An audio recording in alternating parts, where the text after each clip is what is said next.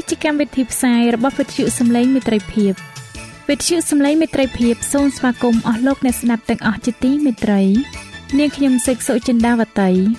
ហើយខ្ញុំបាទអង្គច័ន្ទវិជ្ជៈក៏សូមស្វាគមន៍លោកអ្នកស្ដាប់ទាំងអស់ផងដែរនៅពេលនេះយើងខ្ញុំមានសេចក្តីសោមនស្សរីករាយដែលបានវិលមកជួបអស់លោកអ្នកនាងកញ្ញាអ្នកស្ដាប់សាជាថ្មីម្ដងទៀត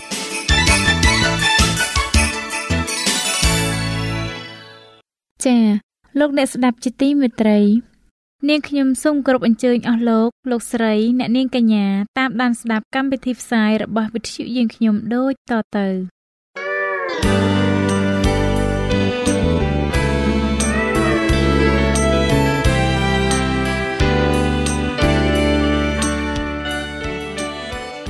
ព្រះបន្ទូលសម្រាប់អ្នកនៅថ្ងៃនេះ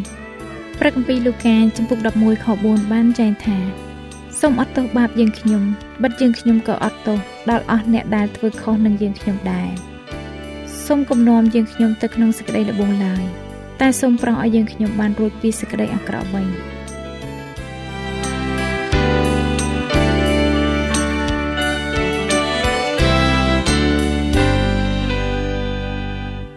ជំរាបសួរអស់លោកអ្នកដែលកំពុងតែតាមដានស្ដាប់នីតិសភាស្គូលប្រចាំសប្ដាហ៍ទាំងអស់គ្នាជាទីមេត្រី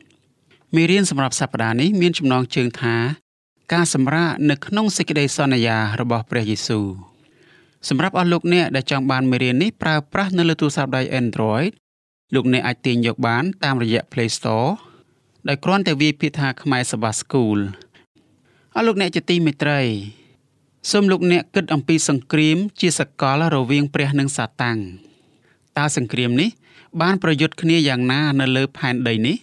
សង្គ្រាមនេះពិតជាខ្លាំងណាស់មែនទេ យើងស្គាល់សង្គ្រាមនេះច្បាស់ជាងមនុស្សយើងបានស្គាល់និងយល់អំពីសង្គ្រាមនេះច្បាស់ជាងអ្នកដទៃទៀតមនុស្សជាច្រើនសពថ្ងៃនេះមានទាំងជឿលើការអាក្រក់ពិតផងតើការយល់របស់យើងអំពីសង្គ្រាមជាសកលរវាងសាតាំងហើយនិងព្រះនេះជួយយើងឲ្យយល់អំពីមូលហេតុនៃរឿងរ៉ាវទាំងឡាយដែលកាន់តែអាក្រក់ជាខ្លាំងនៅលើផែនដីនេះយ៉ាងដូចម្ដេច ហេតុអ្វីបានជាការយល់របស់យើងអំពីសង្គ្រាមនេះបានកំសាន្តចិត្តយើងទៅវិញប្រធានបទដ៏សំខាន់នៅក្នុងពួកជំនុំសប្តាហ៍ថ្ងៃនេះគឺជាផ្នែកដែលមាននៅក្នុងការជំរុញឲ្យការយាងមកវិញជាលើកទី2កើតឡើងយ៉ាងឆាប់រហ័សមិនថាអ្នកជឿយ៉ាងណានោះទេហេតុអ្វីបានជាការដែលយើងបន្តចែកចាយអំពីព្រះយេស៊ូវយាងត្រឡប់មកវិញឆាប់ៗនេះមានសារៈសំខាន់បំផុតម្ល៉េះ អស់លោកអ្នកជាទីមេត្រីតើអ្នកធ្លាប់មានអារម្មណ៍ថានៅកណ្ដាលសង្គ្រាមមួយដ៏ធំដែរឬទេ សង្គ្រាមរវាងអំពើល្អនិងអំពើអាក្រក់មនុស្សជាច្រើនមានអារម្មណ៍យ៉ាងដូចនេះទោះបីជាអ្នកនោះមិនមែនជាអ្នកកាន់សាសនាក៏ដោយក្នុងនាមជាក្រុមជំនុំ Seventh-day Adventist យើងមានអារម្មណ៍យ៉ាងដូចនេះពិតប្រាកដមែនពីព្រោះយើងដឹងថាសង្គ្រាមនេះគឺជាសង្គ្រាមដ៏ពិតប្រាកដដែលកំពុងតែកើតឡើង។ ព្រះគម្ពីរបង្រៀនយើងថា យើងកំពុងតែនៅកណ្ដាលសង្គ្រាមដ៏ធំរវាងអំពើល្អគឺព្រះយេស៊ូវគ្រីស្ទនិងអំពើអាក្រក់ដែលជាសាតាំងសង្គ្រាមនេះកើតឡើងជាសកលប្រកាសណាស់សង្គ្រាមនេះធំជាងនោះទៅទៀតពីព្រោះសង្គ្រាមនេះបានចាប់ដើមឡើងនៅឯស្ថានសួគ៌ដោយដែលមានចែងនៅក្នុងព្រះគម្ពីរវិវរណៈជំពូក12ខ7ខណៈដែលយើងរស់នៅក្នុងជីវិតដ៏សាមញ្ញនិងមមាញឹករបស់យើង យើងមើលមិនឃើញផែនការកិច្ចវេះពីសង្គ្រាមនេះ ដែលព្រះបានបង្កើតឡើងសម្រាប់យើង ការភ័យខ្លាចក៏អាចបណ្ដាលឲ្យយើងមើលមិនឃើញផែនការនេះផងដែរកិច្ចការជាច្រើននៅក្នុងជីវិតអាចធ្វើឲ្យយើងភ័យខ្លាច ប្រទេសផ្សេងផ្សេងនៅក្នុងសង្គ្រាមប្រឆាំងគ្នាទៅវិញទៅមកភ្លាមភ្លាមនោះស្រាប់តែមានគ្រោះធម្មជាតិកើតឡើង ហើយប្រជាជនឆ្លោះប្រកែកគ្នាឯង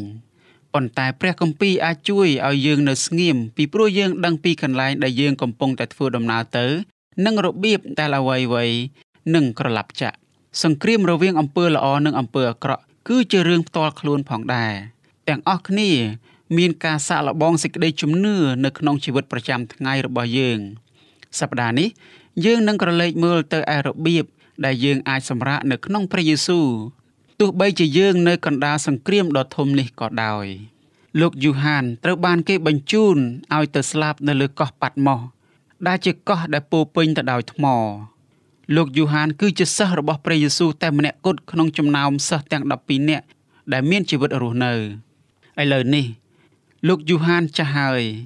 គាត់រស់នៅឆ្ងាយពីអ្វីអ្វីជាទីស្រឡាញ់របស់គាត់តើគាត់ប្រកាសជាគិតអំពីអ្វី ខណៈពេលដែលគាត់អង្គុយតែម្នាក់ឯងនៅលើកោះដែលគាត់នឹងចំណាយពេលនៃជីវិតចុងក្រោយរបស់គាត់នោះប្រកាសណាស់លោកយូហាននឹងគិតអំពីព្រះយេស៊ូវគាត់បានមើលឃើញព្រះយេស៊ូវយាងត្រឡប់ទៅកាន់ឋានសួគ៌វិញលោកយូហានបានឃើញទេវតាពីរអង្គដែលមានបន្ទូលថាពួកអ្នកស្រុកកាលីលេអើយហេតុអ្វីបានជាឈរងើយមើលទៅលើមេឃដូច្នោះ ព្រះយេស៊ូវនេះឯងដែលព្រះបានលើកពីអ្នករាល់គ្នាឡើងទៅស្ថានសួគ៌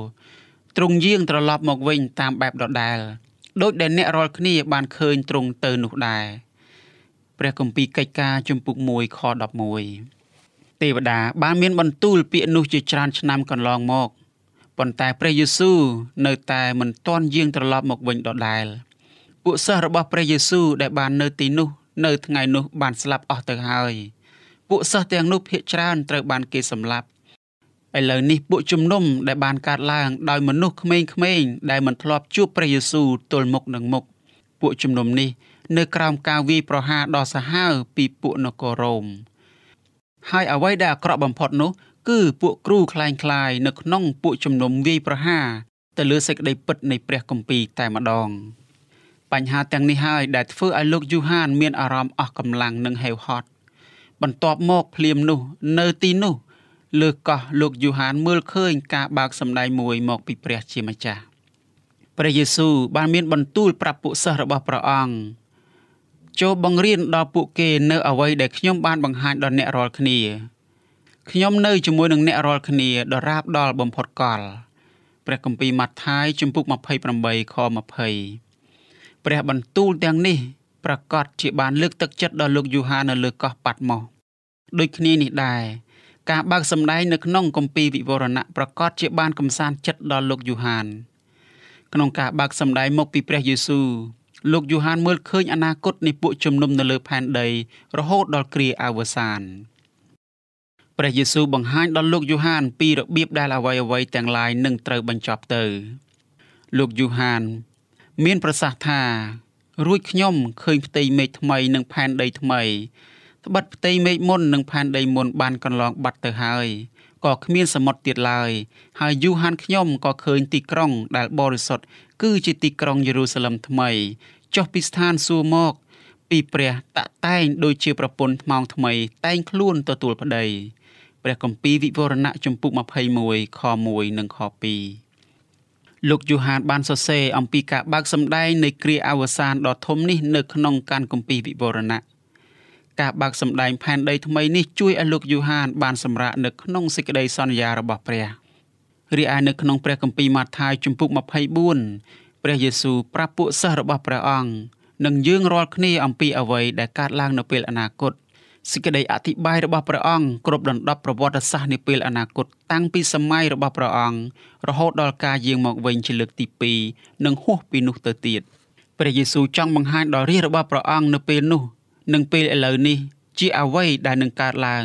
ដើម្បីឲ្យគេអាចរៀបចំខ្លួនសម្រាប់ការយាងមកជាលើកទី2ព្រះយេស៊ូវចែករំលែកអំពីអនាគតជាមួយនឹងយើងទាំងអស់គ្នា នៅក្នុងព្រះគម្ពីរម៉ាថាយជំពូក24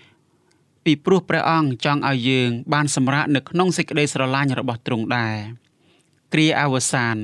អ្វីអ្វីទាំងឡាយនៅជុំវិញយើងនឹងបែកខ្ញែកជាបំណែកជាបំណែកប៉ុន្តែយើងអាចទុកចិត្តលើសេចក្តីសន្យារបស់ព្រះយេស៊ូវដើម្បីរក្សាយើងឲ្យមានសុវត្ថិភាពពួកជំនុំ Seven Day Adventist ដឹងអំពីការពិតនាពេលអនាគតក្រុមជំនុំ Seven Day Adventist បានដឹងអំពីការពិបាកនាពេលអនាគត នៅគ្រានោះនឹងមានគ្រាវេទនាជាខ្លាំងដល់ម្លេះបានជាចាប់តាំងពីមាននគរដរាបដល់វេលានោះ នោះមិនដែលកើតមានយ៉ាងដូច្នោះឡើយព្រះគម្ពីរដានីយ៉ែលជំពូក12ខ1ព្រះយេស៊ូវចង់ឲ្យយើង បានរៀបចំខ្លួនរួចរាល់សម្រាប់ពេលនោះ ដែលកើតឡើងនៅមុនការយាងមកវិញជាលើកទី2របស់ព្រះអង្គការយាងមកវិញរបស់ព្រះអង្គនឹងក្លាយជារឿងដែលកើតឡើងយ៉ាងពិតប្រាកដនៅគ្រាចុងបំផុត ព្រះយេស៊ូវចំណាយពេលជាច្រើនមានបន្ទូលអំពីការយាងមកវិញរបស់ព្រះអង្គនៅក្នុងព្រះគម្ពីរម៉ាថាយជំពូក24ដូច្នេះការយាងមកវិញ ជាលើកទី2មានសារៈសំខាន់ខ្លាំងណាស់តើអ្វីទៅជាព្រឹត្តិការណ៍ជាសកលចុងក្រោយ ដែលបានបំផ្លាញផែនដីនេះ គឺទឹកជំនន់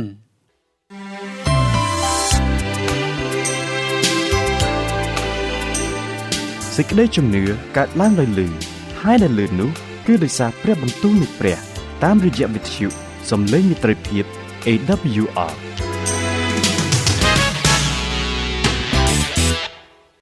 អរលោកអ្នកជាទីមេត្រី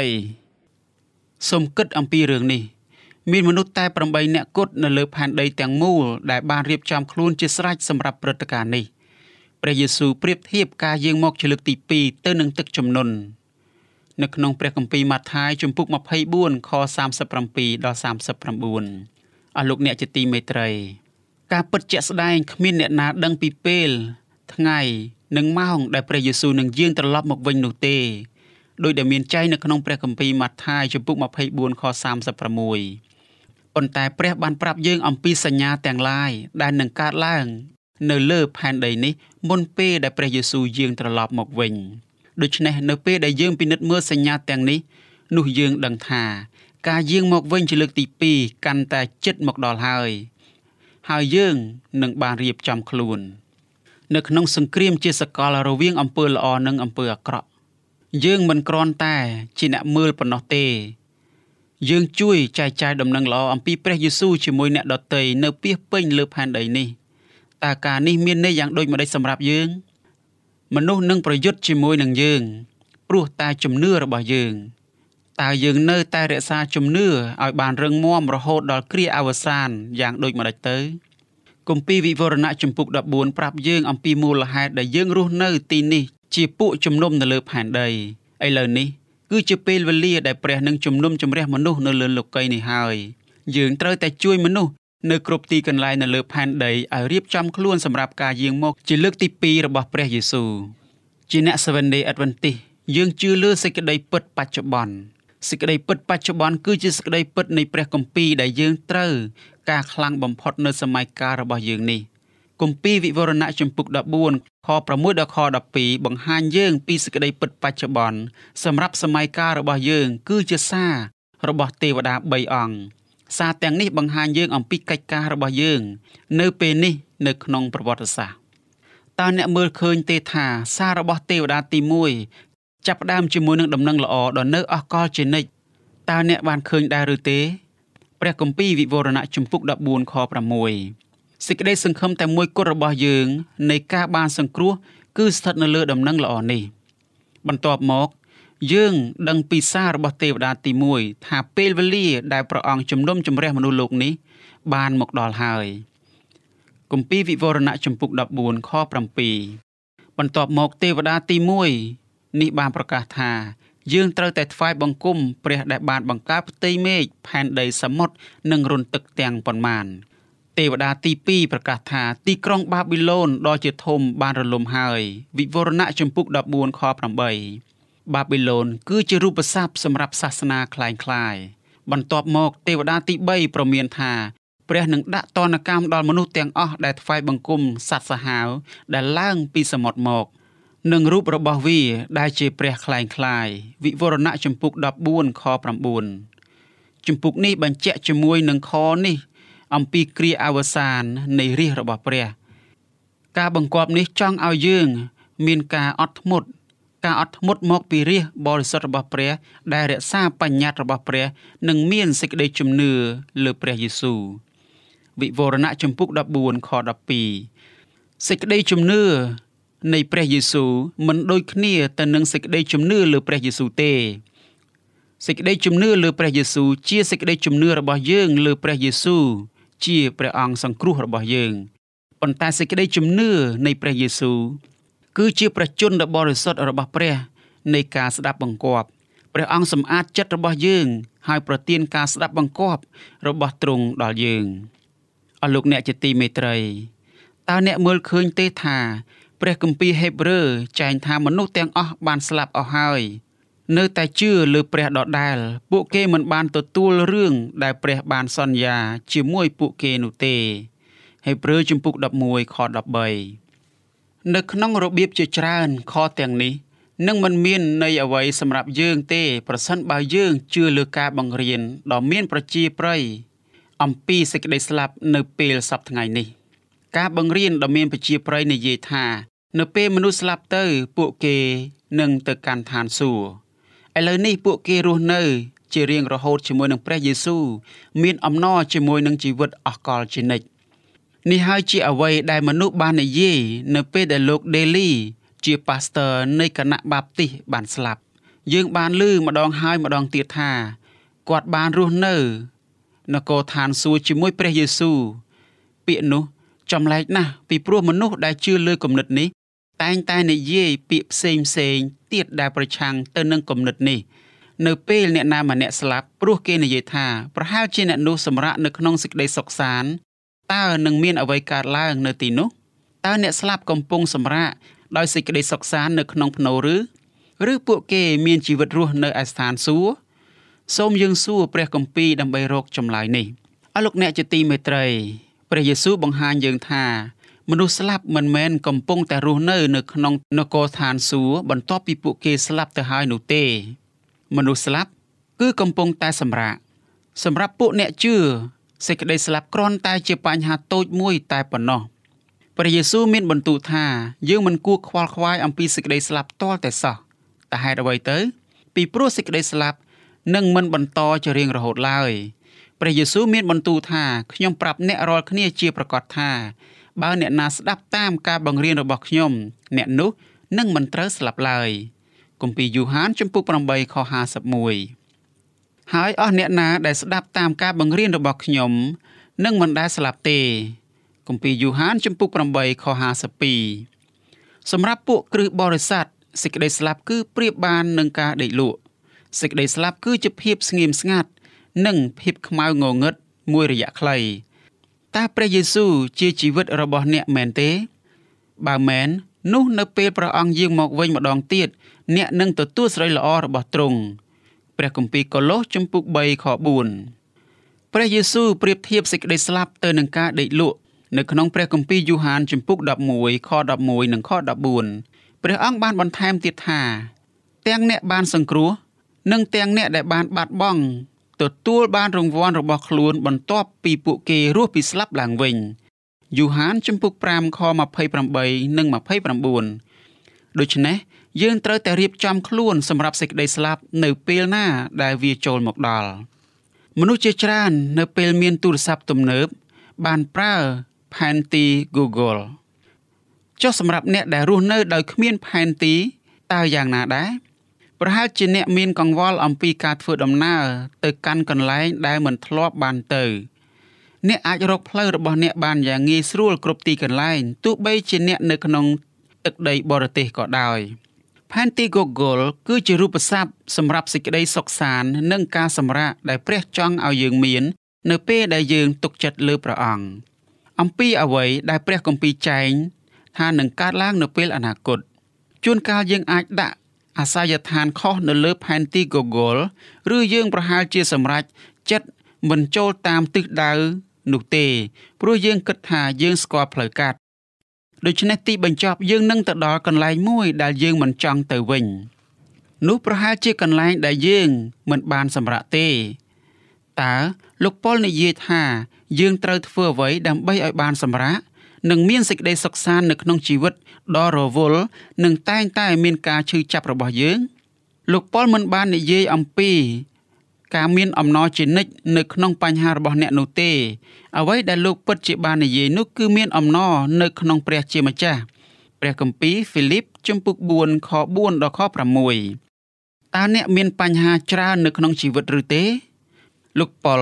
បានមានប្រសាសន៍ប្រាប់យើងឲ្យគិតអំពីព្រះសេចក្តីស្រឡាញ់របស់ទ្រង់និងការសក្ដិរបស់ព្រះអង្គនៅលើឈើឆ្កាងជំនួសយើងរាល់គ្នា ពេលនោះ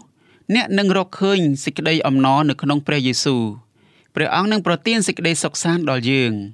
ប្រសាសន៍របស់លោកប៉ុលនៅក្នុងព្រះគម្ពីរហ្វីលីបបំពេញចិត្តយើងដោយការសម្រាកសេចក្តីសុខសាន្តនិងសេចក្តីសង្ឃឹមសម្រាប់រឿងរ៉ាវដែលហួសពីជីវិតនេះលោកប៉ុលមានប្រសាសន៍ថាកុំឲ្យខ្វល់ខ្វាយអ្វីឡើយហ្វីលីបជំពូក4ខ6ចុះប្រសិនបើយើងធ្វើតាមដំបូន្មាននេះតើយ៉ាងណាដែរប្រកាសណាស់ដំបូន្មាននេះពេលខ្លះពិបាកធ្វើតាម លោកប៉ុលផ្ទាល់មានការខ្វល់ខ្វាយជាច្រើនប៉ុន្តែយើងដឹងថាយើងបម្រើព្រះនៃសេចក្តីស្រឡាញ់ដែលទ្រង់គ្រប់គ្រង ហើយនឹងជួយសង្គ្រោះយើងឲ្យចូលទៅក្នុងនគររបស់ព្រះអង្គដូច្នេះយើងអាចទុកចិត្តលើព្រះឲ្យជួយយើងជាមួយនឹងរឿងរ៉ាវដែលយើងកំពុងតែខ្វល់ខ្វាយនៅក្នុងជីវិតនេះព្រះគម្ពីរប្រាប់យើងថាព្រះជាម្ចាស់គង់នៅចិត្តយើងជានិច្ចទោះបីជានៅពេលដែលយើងស្លាប់ក៏ដោយនៅពេលដែលយើងស្លាប់ បន្ទាប់មករឿងបន្តដែលយើងមើលឃើញនោះគឺជាព្រះយេស៊ូវដែលកំពុងយាងមកនៅក្នុងពពកមែនហើយជីវិតពោពេញទៅដោយការឈឺចាប់និងបញ្ហាពិបាកពិបាករាប់មិនអស់គ្មាននរណាម្នាក់អាចគេចផុតពីការទាំងនេះឡើយសូមក្រឡេកមើលទៅជីវិតរបស់លោកប៉ុលគាត់មិនបានគេចចេញពីបញ្ហាទេដោយតែមានចែងនៅក្នុងព្រះគម្ពីរក្រឹនថូសទី2ជំពូក11ដែរលោកប៉ុលចង់ឲ្យយើងយល់ថា យើងអាចរកឃើញសេចក្តីអំណរនៅក្នុងព្រះជាម្ចាស់ទោះបីជាយើងមានពេលពិបាកពិបាកនៅក្នុងជីវិតយ៉ាងណាក៏ដោយអស់លោកអ្នកជាទីមេត្រី យើងទាំងអស់គ្នាចង់ឲ្យព្រះឆ្លើយតបដល់ការអធិដ្ឋានរបស់យើងភ្លាមភ្លាមយើងតែងតែបាត់បង់ក្តីសង្ឃឹមនៅពេលចម្លើយនៃការអធិដ្ឋានរបស់យើងមិនបានកើតឡើងយ៉ាងឆាប់រហ័សនោះ ឬតាមរបៀបណាដែលយើងរំពឹងចង់បាន ប៉ុន្តែព្រះទ្រង់មានប្រាជ្ញាខ្លាំងណាស់ដើម្បីឆ្លើយតបទៅនឹងការអធិដ្ឋានរបស់យើង ត្រូវឲ្យពេលវេលានិងតាមចិត្តរបស់យើងចង់បានជានិច្ចព្រះនឹងធ្វើកិច្ចការកាន់តែល្អសម្រាប់យើងលើសពីការដែលគ្រាន់តែប្រទានរបស់ផ្សេងផ្សេងដែលយើងប្រាថ្នាចង់បាននោះទៅទៀតយើងអាចទុកចិត្តលើព្រះតម្រេះនិងសេចក្តីស្រឡាញ់របស់ព្រះបានដូច្នេះយើងមិនគួរសុំឲ្យព្រះធ្វើអ្វីដែលយើងចង់បាននោះទេ យើងគួរព្យាយាមធ្វើនៅអ្វីដែលព្រះជាម្ចាស់សពព្រះハរតីចង់ឲ្យធ្វើនោះវិញយើងត្រូវតែដាក់ផែនការរបស់ព្រះអង្គជាមុននៅក្នុងជីវិតរបស់យើង ពេលនោះយើងនឹងដាក់ផែនការរបស់ព្រះអង្គមុនសេចក្តីប៉ងប្រាថ្នារបស់យើងផ្ទាល់អស់លោកអ្នកជាទីមេត្រីព្រះគម្ពីរកូរិនថូសខ្សែទី1ចំពុក2ខ9បានចែងថាដូចមានសេចក្តីចែងទុកមកថា សេចក្តីដែលភ្នែកមិនដែលឃើញ ត្រចៀកមិនដែលឮហើយចិត្តនឹកមិនដែលដល់គឺសេចក្តីនោះឯងដែលព្រះបានរៀបចំទុក សម្រាប់ពួកអ្នកដែលស្រឡាញ់ទ្រង់អស់លោកអ្នកជាទីមេត្រីសូមឲ្យព្រះទ្រង់បានប្រទានពរហើយតាមរយៈមេរៀននេះសូមឲ្យអស់លោកអ្នកនៅតែរកឃើញការសម្រាកនៅក្នុងទ្រង់ដែលជាព្រះនៃសេចក្តីស្រឡាញ់និងសេចក្តីមេត្តាករុណាចំពោះមនុស្សគ្រប់គ្នាសូមព្រះជាម្ចាស់ ទ្រង់ប្រទានពរអាមែន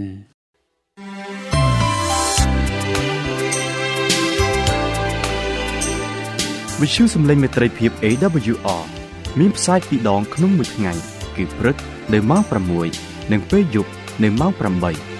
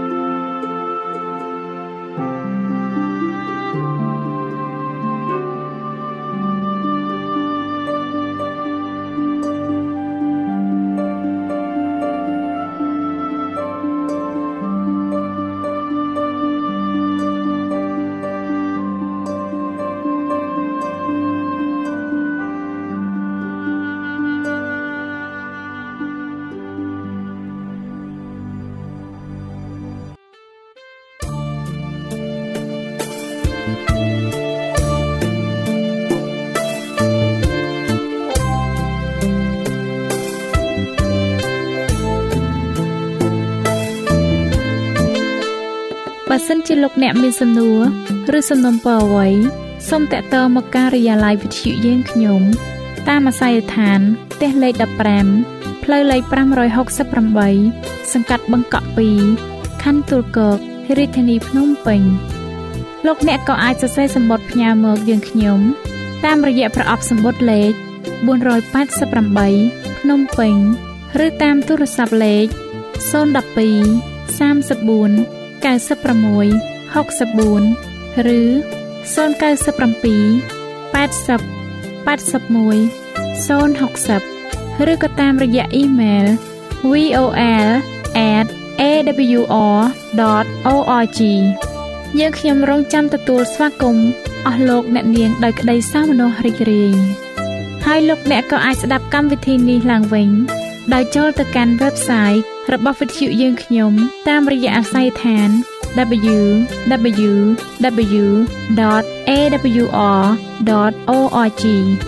លោកអ្នកនាងកញ្ញាជាទីមេត្រី កម្មវិធីផ្សាយរបស់វិទ្យុសំឡេងមិត្តភាពនៅពេលនេះសូមបញ្ចប់តែប៉ុណ្ណេះយើងខ្ញុំសូមអរគុណចំពោះការតាមដានស្ដាប់របស់អស់លោកអ្នកតាំងពីដើមរហូតដល់ចប់យើងខ្ញុំសូមជូនពរឲ្យអស់លោកអ្នកនាងកញ្ញាទាំងអស់បានចម្រើនឡើងក្នុងព្រះគុណព្រះអង្គម្ចាស់ ហើយក្នុងការទទួលយកព្រះយេស៊ូវគ្រីស្ទជាព្រះអង្គម្ចាស់និងជាព្រះអង្គសង្គ្រោះនៃយើងរាល់គ្នានាទីផ្សាយរបស់វិទ្យុយើងខ្ញុំនឹងវិលមកជួបអស់លោកអ្នកសាជាថ្មីម្ដងទៀតនៅថ្ងៃស្អែកវេលាម៉ោងដដែលនាងខ្ញុំសេកសុចិន្តាវតីនិងខ្ញុំបាទអ៊ំច័ន្ទវិជ្ជៈសូមអរគុណសូមជម្រាបលា